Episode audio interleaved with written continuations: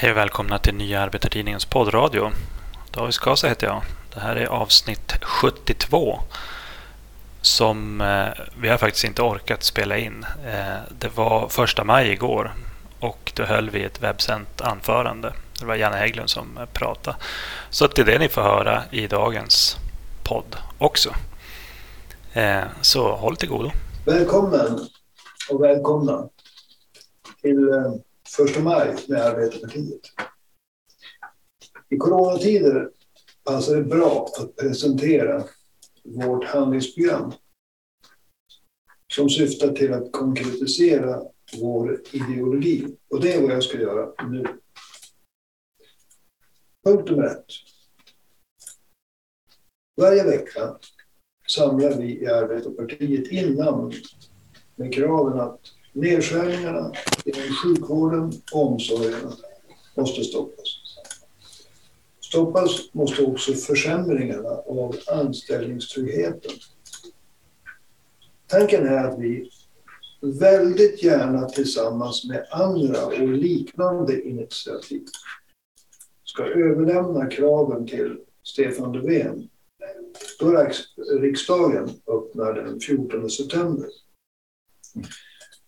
Det skulle kunna vara tiotusentals den dagen i Stockholm utanför riksdagen. Om det inte vore för pandemin. Men vi tänker strida för välfärden. Även om striden måste coronaanpassas. Och ska den strid för tryggheten i samhället bli framgångsrik så måste vi samarbeta. Alltså, för sjukvården, äldreomsorgen och anställningstryggheten. Vi i riksdagen den 14 september, då riksdagen öppnas.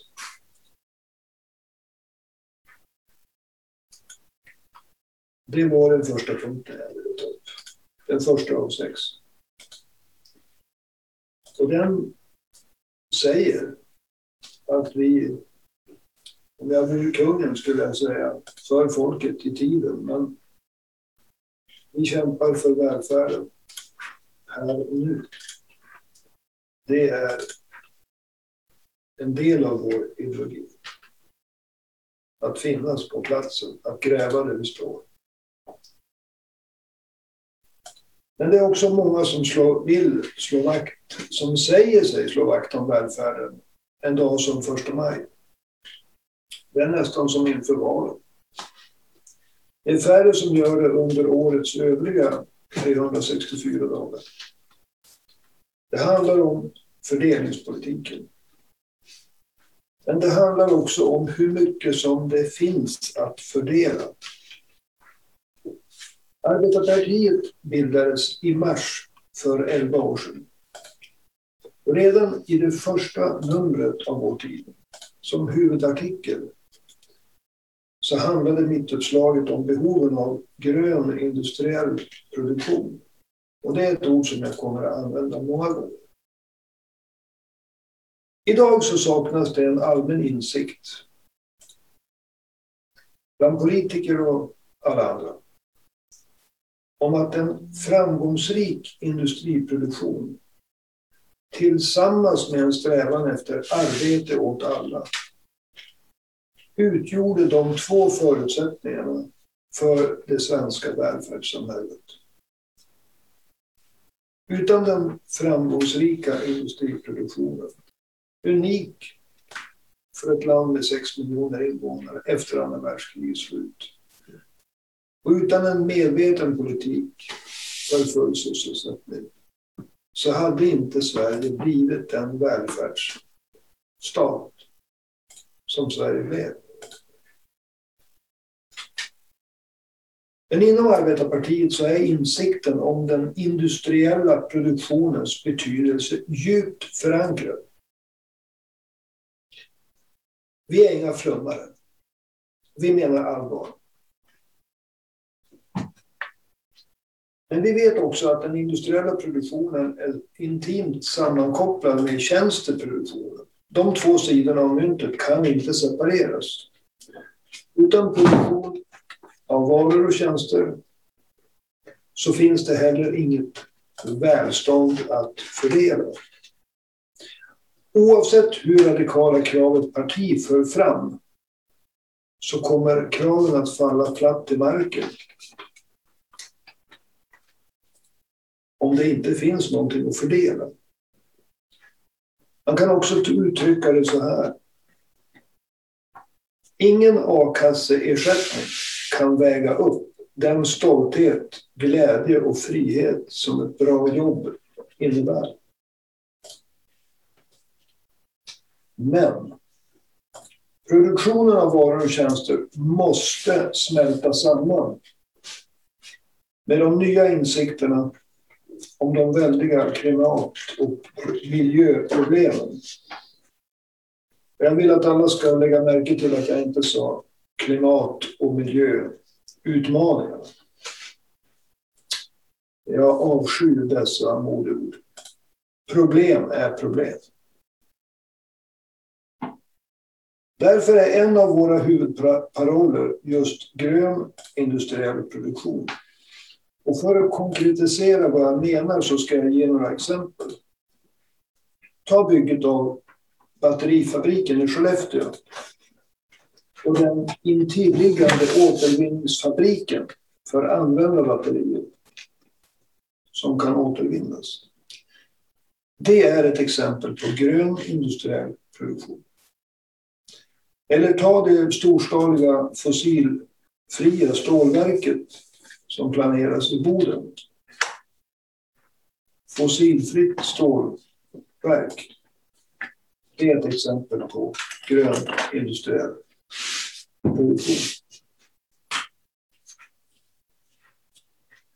Eller syntetisk diesel baserad på biomassa.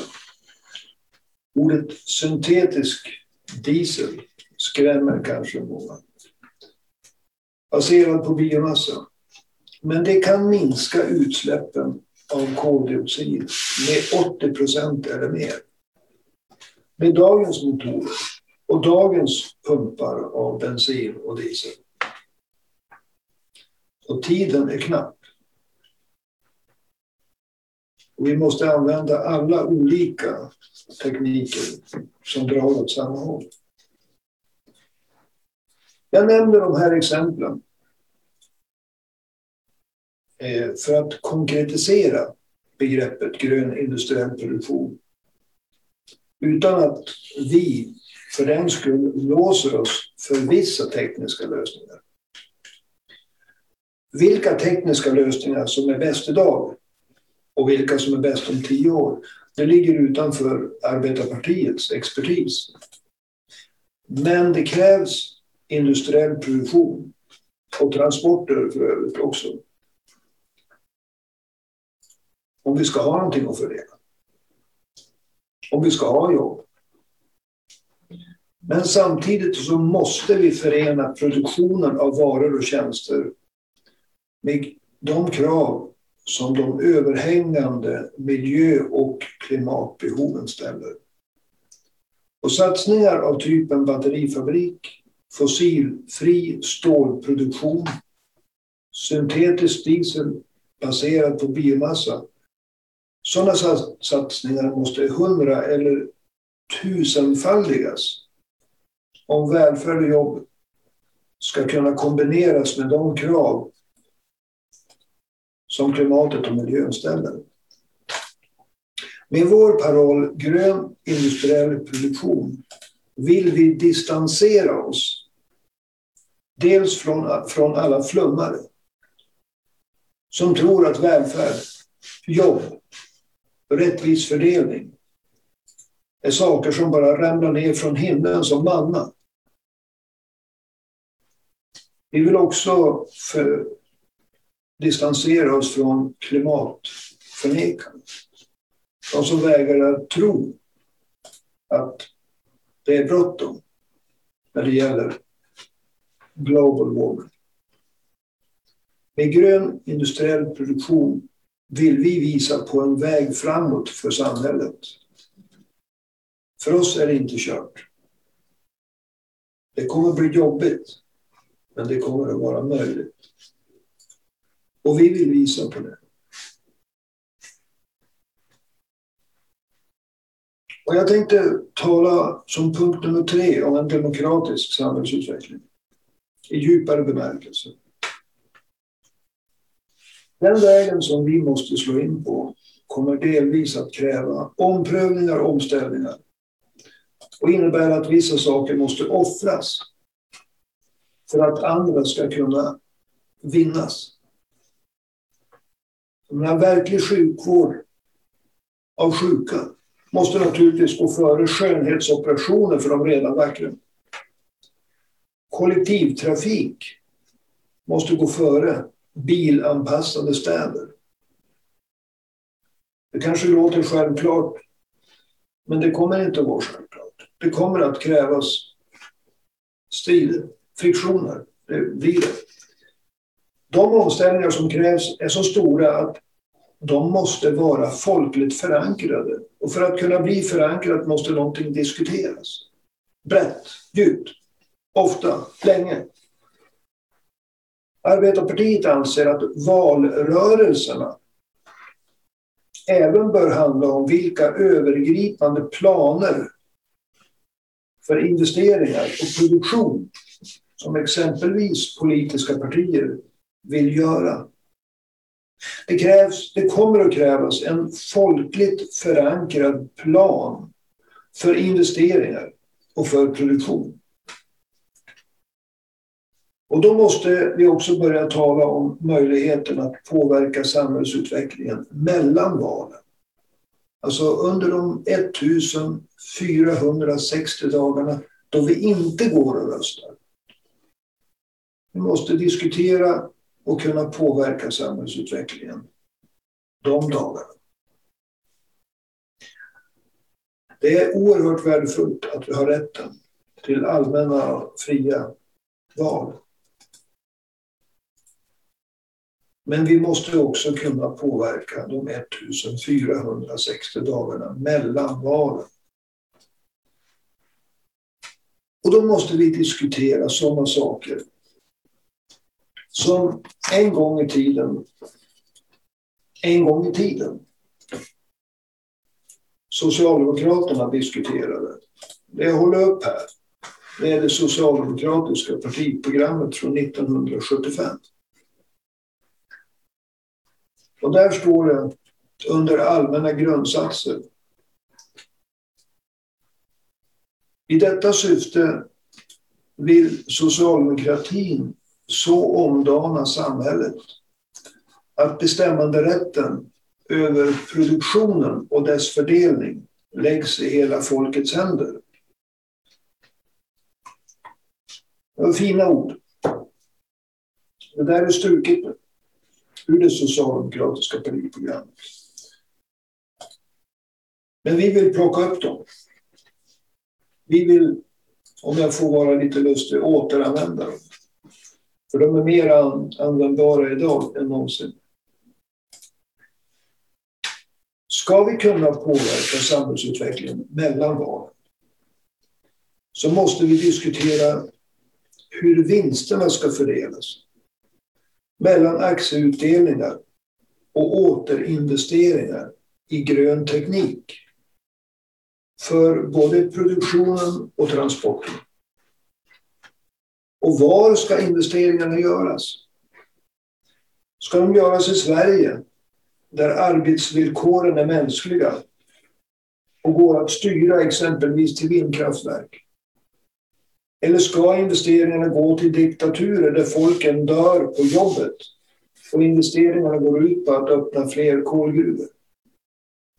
Vi måste diskutera det. Och vilken teknik ska användas? Vilka produkter ska prioriteras? Vi måste diskutera det.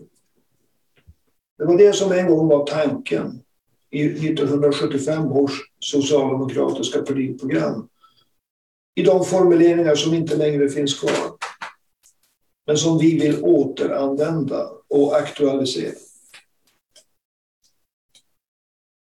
Det är sådana frågor om framtiden som ställs på dagordningen och det är dessa beslut som styr samhällsutvecklingen.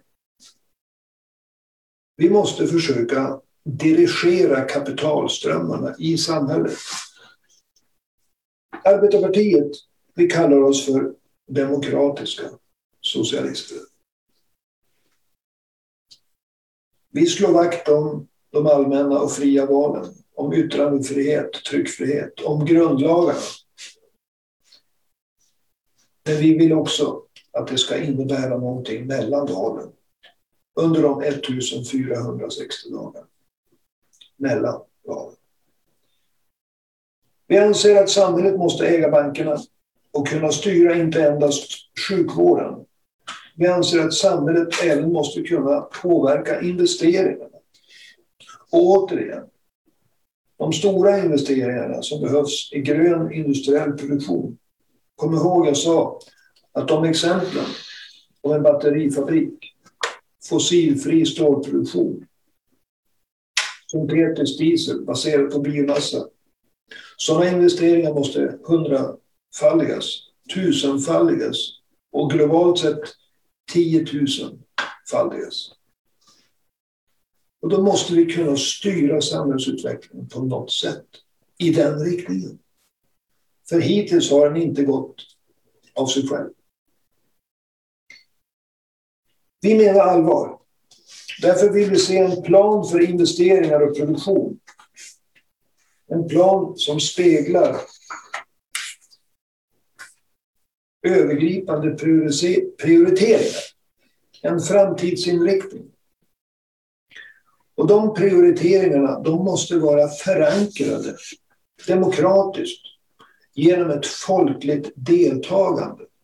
Och det här kräver diskussioner där arbetare som jobbar med de här grejerna, där är ingenjörer som jobbar med de här grejerna, det är forskarna som tar fram kunskaperna om samhällsutvecklingen. Tillsammans med naturligtvis alla konsumenter involveras så att de delvis hårda prioriteringar som måste göras speglas i en övergripande plan för investeringar och produktion som motsvarar folkets vilja. Speglat i de allmänna valen. Partierna måste presentera mer än bara glättiga fyrfärgstryck. De måste prioritera. De måste visa hur de vill investera, vad de vill producera.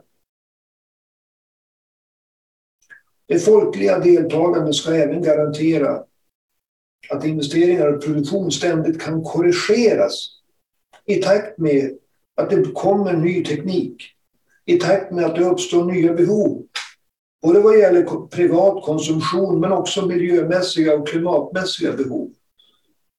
Man gör inga planer som räcker längre än till nästa miljökatastrof. Eller till nästa coronautbrott. För det kommer att bli fler coronautbrott. Och då måste vi kanske satsa mer på sjukvården. Vi måste slå vakt om demokratin genom att fördjupa demokratin. Och vi fördjupar demokratin genom att slå vakt om de allmänna fria valen, yttrande och tryckfrihet. Men också genom att göra alla delaktiga i vad som händer med investeringar, produktion, de 1460 dagarna mellan valen. Det är för Arbetarpartiet vad demokratisk socialism innebär.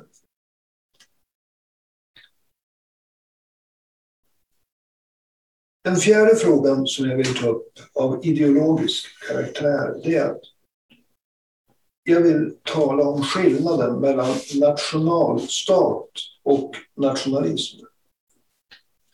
Därför att vi i Arbetarpartiet, vi slår vakt om nationalstaten.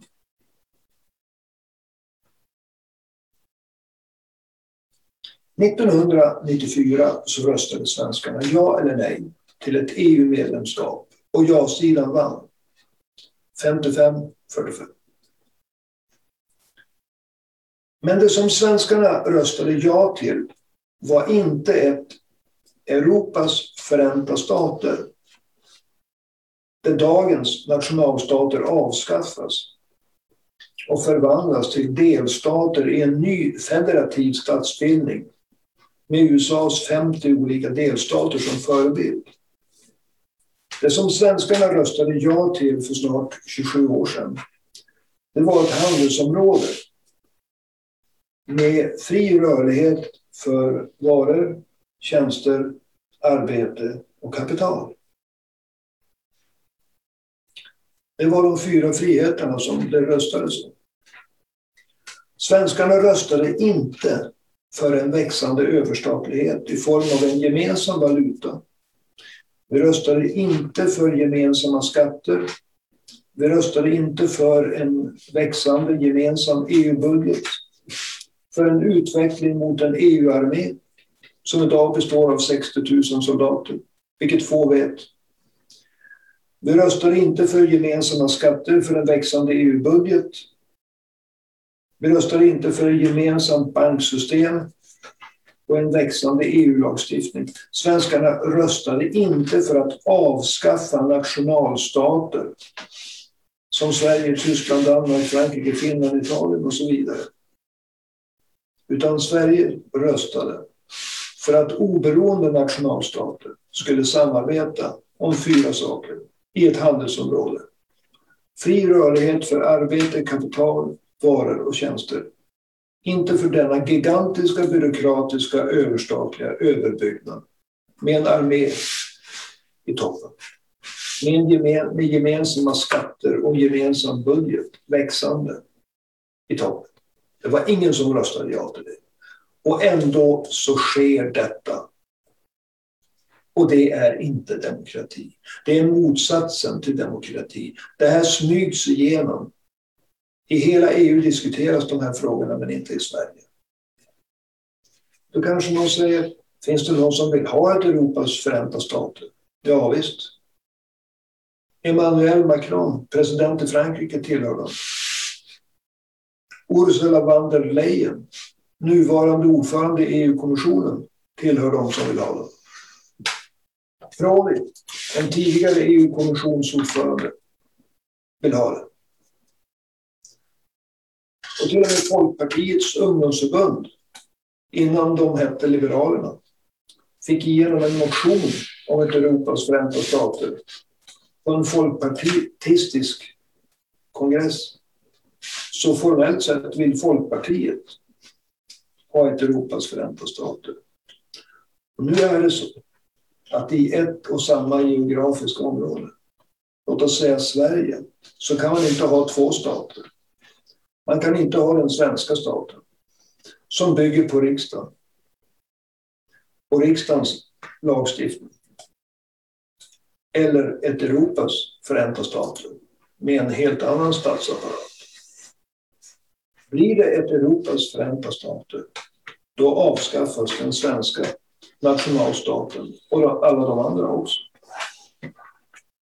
Det här är ett hot mot demokratin som vi känner. Det här är ett hot mot välfärdsstaten. Därför att allting vi har, det bygger på nationalstaten. På det geografiska område som vi kallar Sverige. På skattelagstiftningen som finansierar välfärden. På kollektivavtalen som reglerar arbetsmarknaden på arbetsrättens lagstiftning. Som också reglerar vilka rättigheter och skyldigheter löntagare har. Om nationalstaten avskaffas så avskaffas rätten att beskatta. Rätten att finansiera välfärden. Kollektivavtal. Arbetarpartiet slår vakt om nationalstaten. Arbetarpartiet inser att det krävs för att balansera de fyra rörligheterna. Varor, tjänster, arbetskraft, kapital. Gränsöverskridande kollektivavtal som gör att löntagarna i olika länder, i EUs 27 länder, kan samarbeta med gemensamma kollektivavtal för att balansera den oerhörda fördelen som storföretagen har idag. Men vi säger nej till ett Europas förenta stater. Och vi säger ja till att diskutera det i nästa valrörelse som är ganska snart. Att inte diskutera det här och att smyga igenom ett Europas förenta stater genom de små stegens tyranni. Med ständigt ökad överstatlighet. Och en EU-armé på 60 000 soldater som väldigt få känner till. Det är inte demokrati. Det är nationalstaten. Och det är någonting helt annat än nationalism. Nationalstaten, det är det har med samhälls, samhällets styrelseskick att göra. Ska riksdagen som vi väljer eller ska EU-parlamentet eller EU-kommissionen styra? Nationalism, det är en ideologi. Nationalismen, det är om vi tar det ganska lätt, tycker jag. Europa var en gång ett land fyllt av kolonialmakter. England hade kolonier. Frankrike hade kolonier. Spanien, Portugal, Holland, Belgien hade kolonier. Och för att motivera att man skaffade sig slavar och stal råvaror mot mycket ringa betalning så uppfann man någonting som ofta kallades för the white man's burden. Det var helt enkelt européernas plikt att lägga sig under sig Latinamerika, Afrika, Asien, stora delar av dessa världsdelar. Och ta och förslava folken och folken och roffa åt sig råvarutillgångarna. Men det är inte bara i Europa som nationalismen har funnits. Den har funnits överallt. Mellan latinamerikanska länder, mellan afrikanska länder, inom Asien. Nationalismen tro på den egna befolkningens överlägsenhet. Har inte sällan lett till krig. Men ännu oftare till rasism. Att försvara nationalstaten, det är att försvara välfärdssamhället. Att bekämpa nationalismen, det är att bekämpa rasismen. Och jag skulle vilja säga att när det gäller olika partier så tycker jag att ni ska bedöma de partier som är klara i den här frågan. Vilka försvarar nationalstaten mot ett odemokratiskt Europas förenta stater? Och vilka bekämpar nationalismen som ligger väldigt nära rasbiologi, rasism, tron på vit överlägsenhet. Vi försvarar nationalstaten, men vi bekämpar nationalism. Det är en del, en bärande del av arbetarpartiets ideologi. Det är väldigt få som vågar prata om de här sakerna. Som vanligt i Sverige. När du är inne på um, svenska saker så kan vi ju lika gärna fortsätta, eller hur? Med invandrarpolitiken. Just det. Under de senaste tio åren så har Sverige bedrivit en orimlig flyktingpolitik.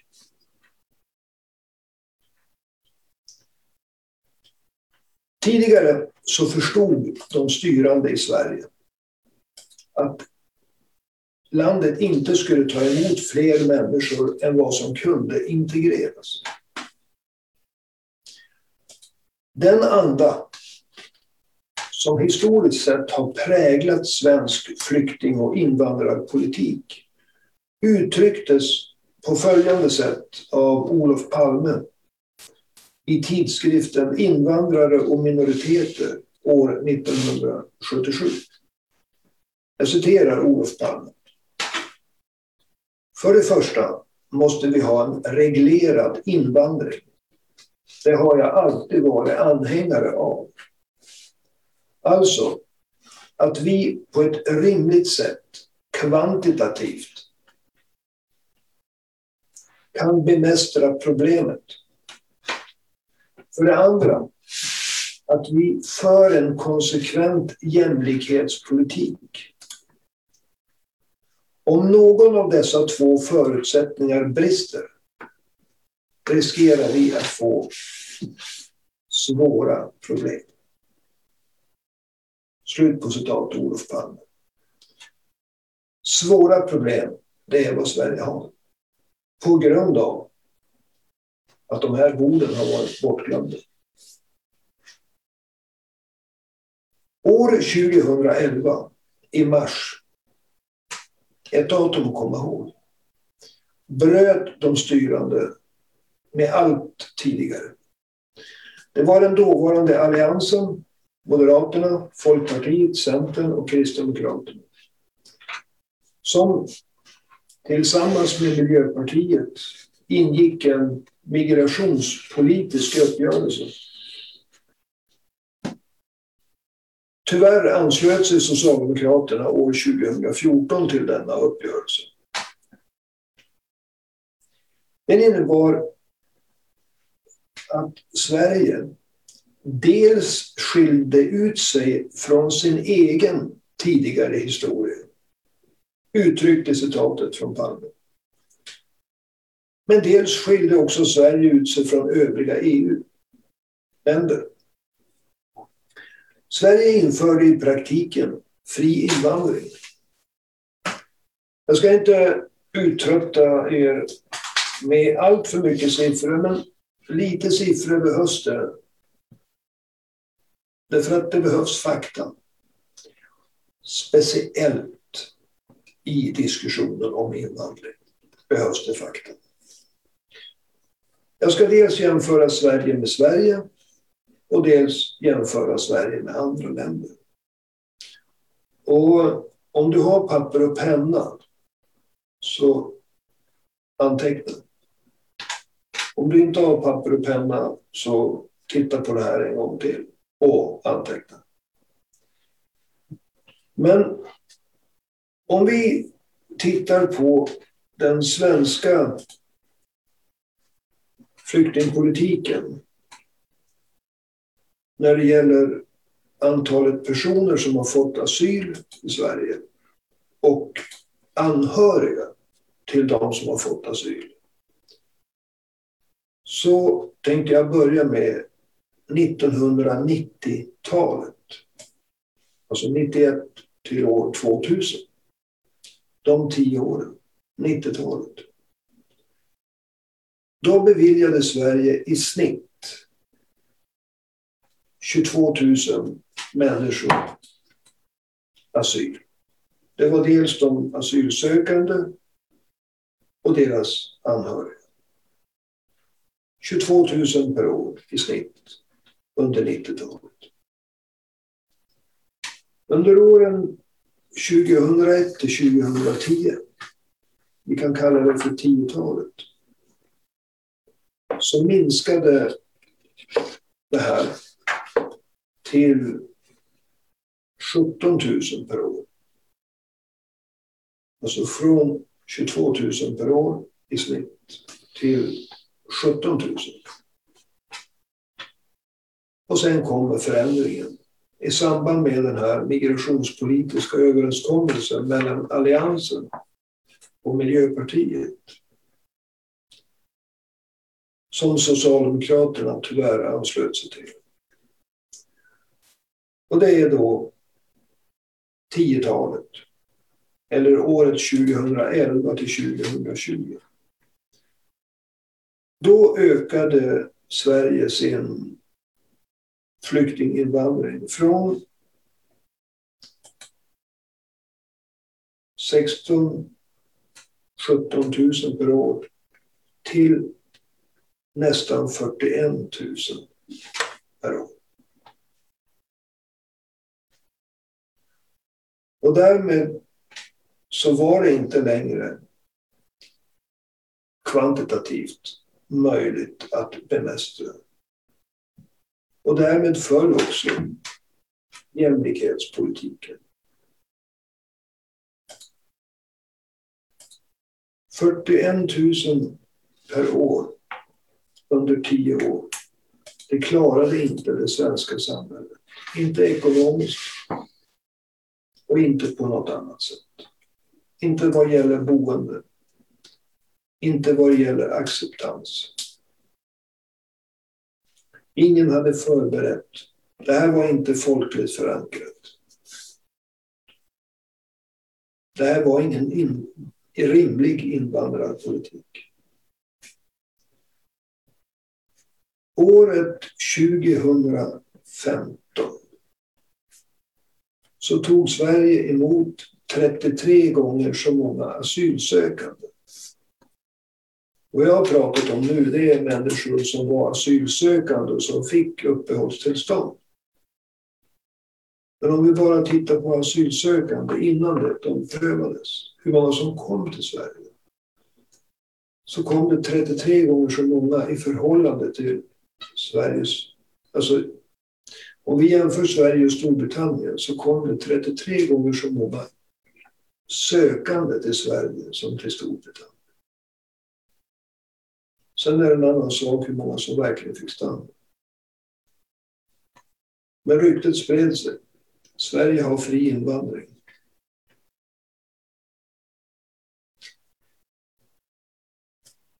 Det här har omöjliggjort en framgångsrik integration.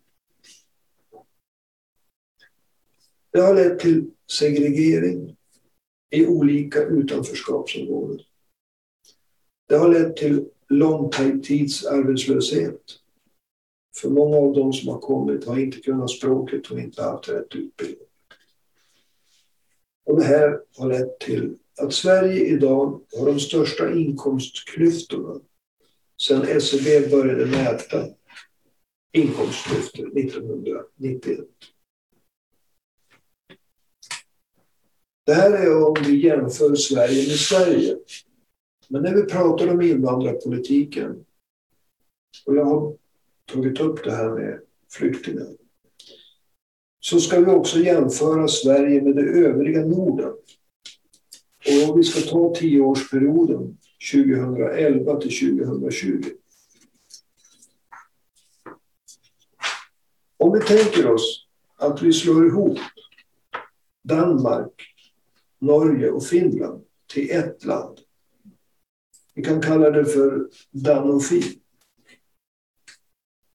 Och så tittar vi på det landets befolkning som om det vore ett land. Och så jämför det med, vi det med Sverige. Så har landet Danofi 16,7 miljoner invånare.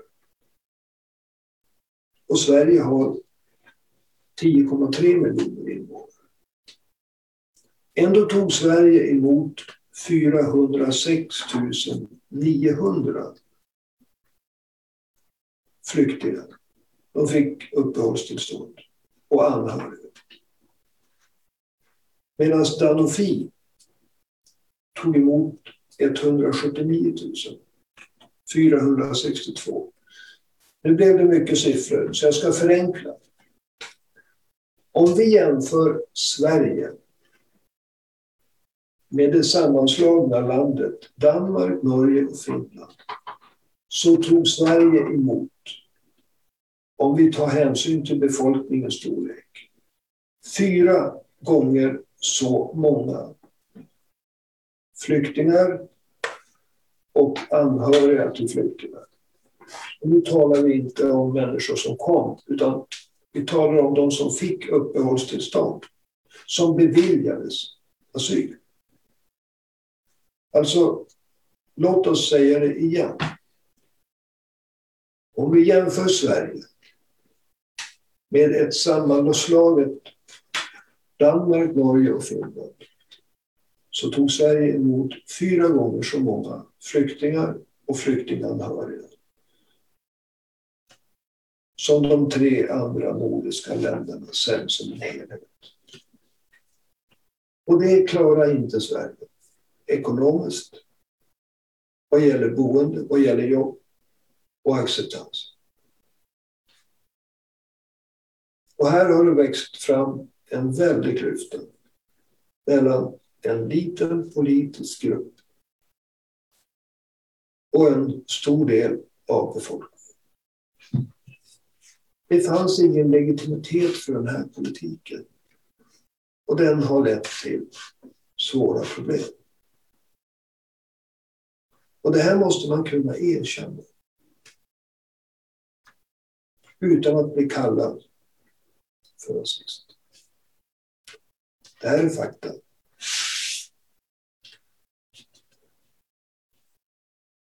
Sverige har misslyckats med integrationen. Sverige har misslyckats när det gäller långtidsarbetslösheten. Sverige har misslyckats när det gäller inkomstutjämning på grund av en sällsynt ansvarslös invandrarpolitik.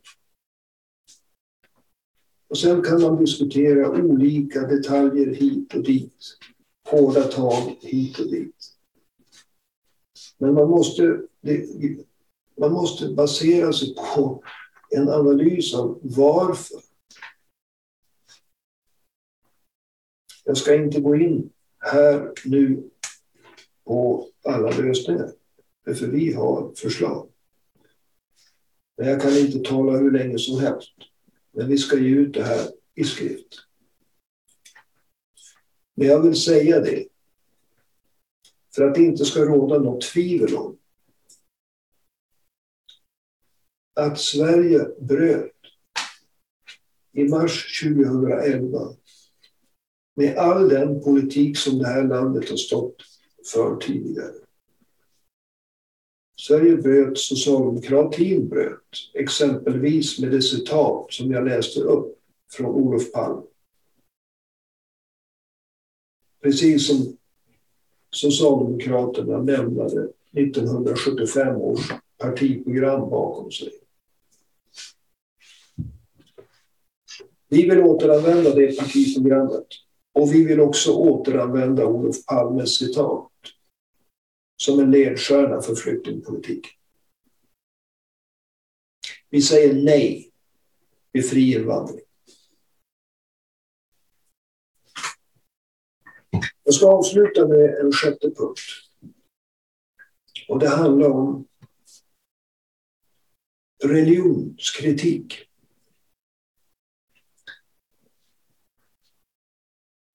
Arbetarpartiet slår vakt om de demokratiska fri och rättigheter som medborgarna genom sina politiska och fackliga organisationer har tillkämpat sig mot kungahus och prästerskap. I år är det exakt hundra år sedan det första andrakammarvalet hölls i Sverige där allmän och lika rösträtt tillämpades för både man, män och kvinnor. Och de rättigheterna har inte varit gratis. Och det gäller även för dagens välfärdssamhälle. Kampen för demokratiska fri och rättigheter skedde i kamp mot kungahus, adel och prästerskap. Idag hotas demokratin. Jag har nämnt EUs överstatlighet som ett hot mot demokratin.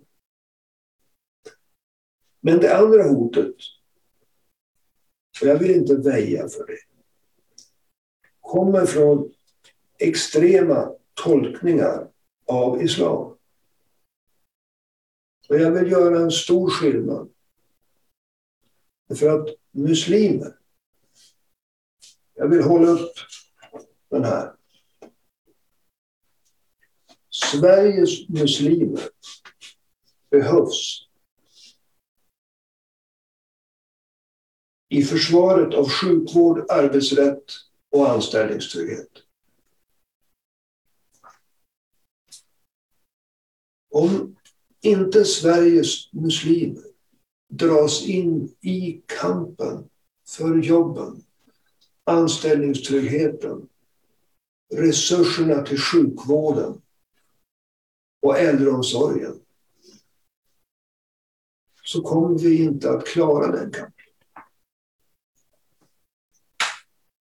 Men det finns extrema tolkningar av islam. Och för dem står Muslimska brödraskapet och salafister. Exempelvis wahhabiter.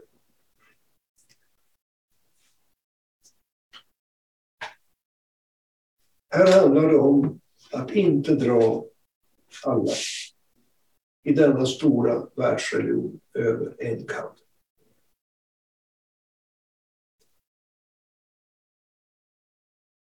Muslimska brödraskapet och salafisterna. De vill ha sharia. Det betyder tron på en gudomlig lagstiftning.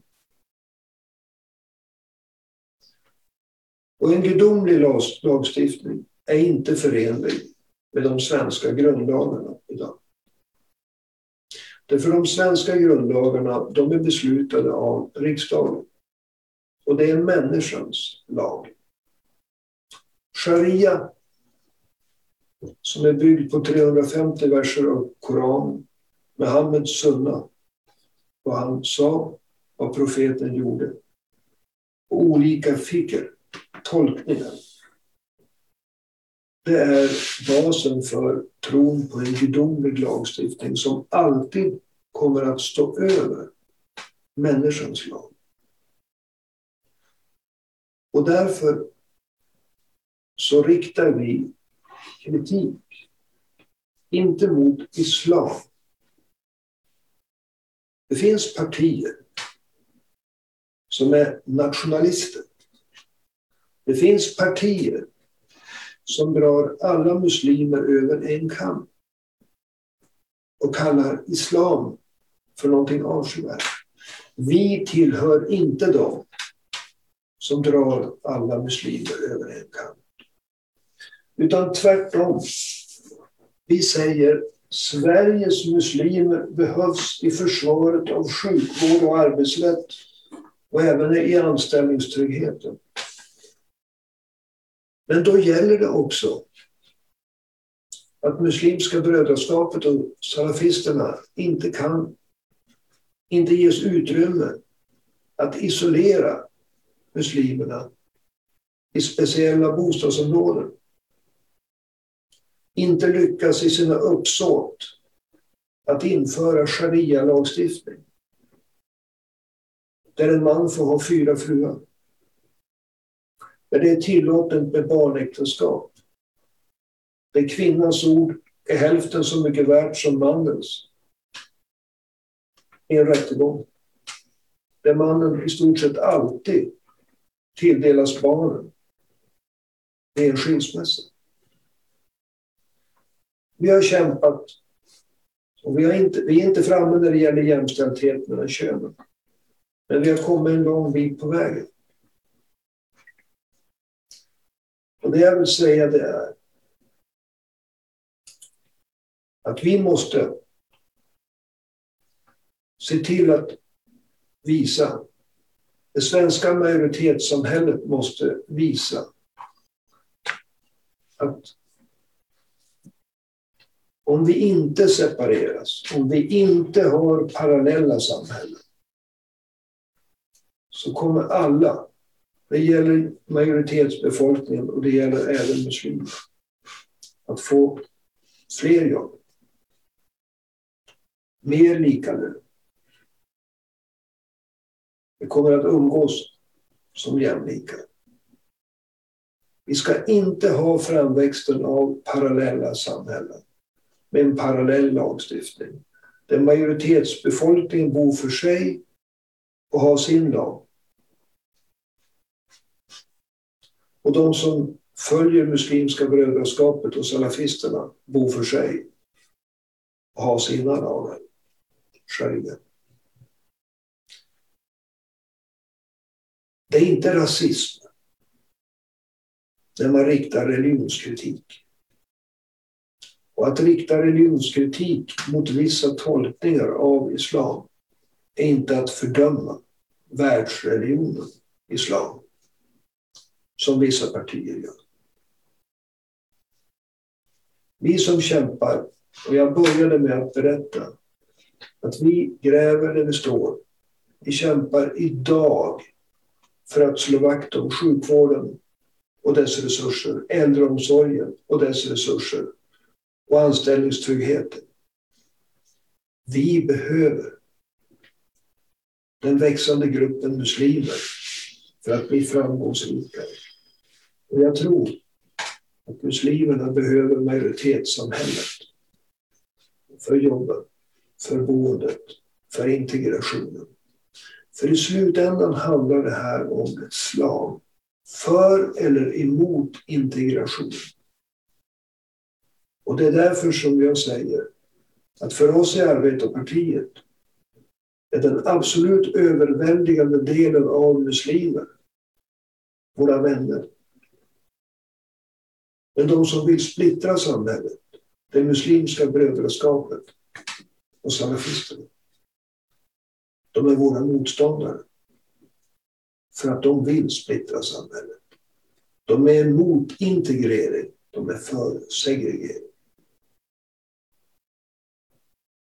Och nu är det också sagt. Jag ska säga några korta sammanfattande ord.